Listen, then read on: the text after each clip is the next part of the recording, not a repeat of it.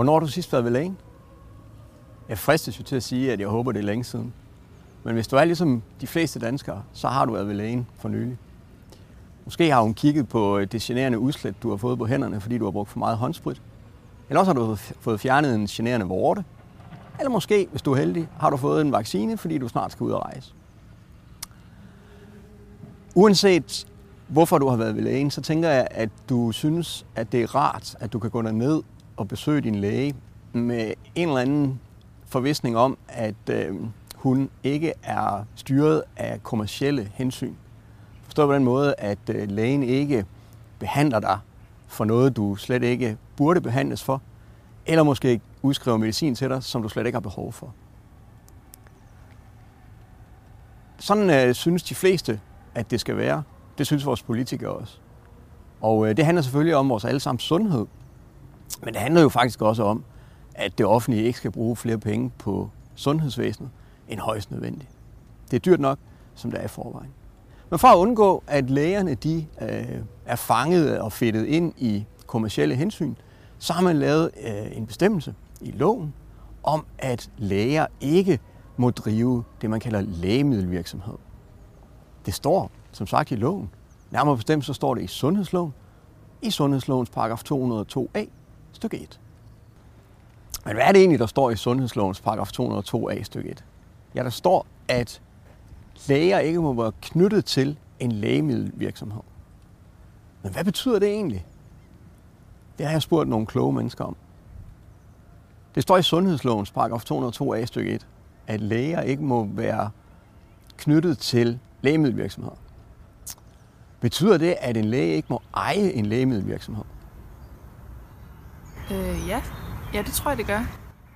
Det står i sundhedslovens paragraf 202a stykke 1, at læger ikke må være knyttet til lægemiddelvirksomheder. Betyder det, at en læge ikke må være gift med en, som ejer aktier i en øh, lægemiddelvirksomhed? Ja, det, det tror jeg, det gør. Ja. Det står i sundhedslovens paragraf 202a stykke 1, at en læge ikke må være knyttet til en lægemiddelvirksomhed. Betyder det, at en læge ikke selv må eje aktier i virksomheden? Ja, det tror jeg, at det gør. Betyder det så også, at en læge ikke må eje aktier i en lægemiddelvirksomhed gennem en pensionsordning?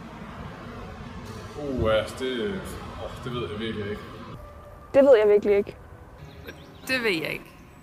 Ja, som vi kan se, så er det ikke helt nemt at finde ud af, hvad det egentlig er, der er indholdet i sundhedslovens paragraf 202a stykke 1. Men det er vi jo nødt til at finde ud af, fordi lægerne skal jo selvfølgelig have besked på, hvordan de skal opføre sig i forhold til at være engageret i lægemiddelvirksomheder. Og det kan vi jo ikke bare basere på, hvad vi tror. Fordi tro, det er noget, de er eksperter i her. Men som jurist, der kan man altså ikke basere sit arbejde på, hvad man tror.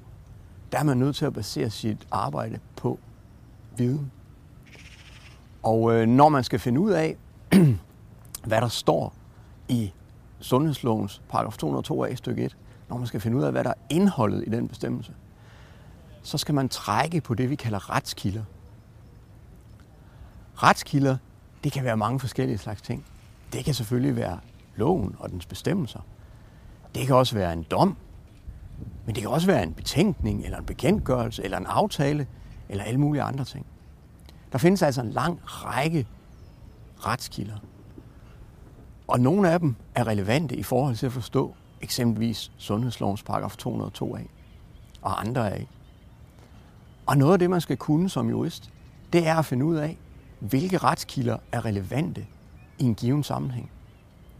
Og når man så har fundet de relevante retskilder, så skal man yderligere også kunne læse dem og fortolke dem, så man faktisk kan forstå indholdet i retskilderne.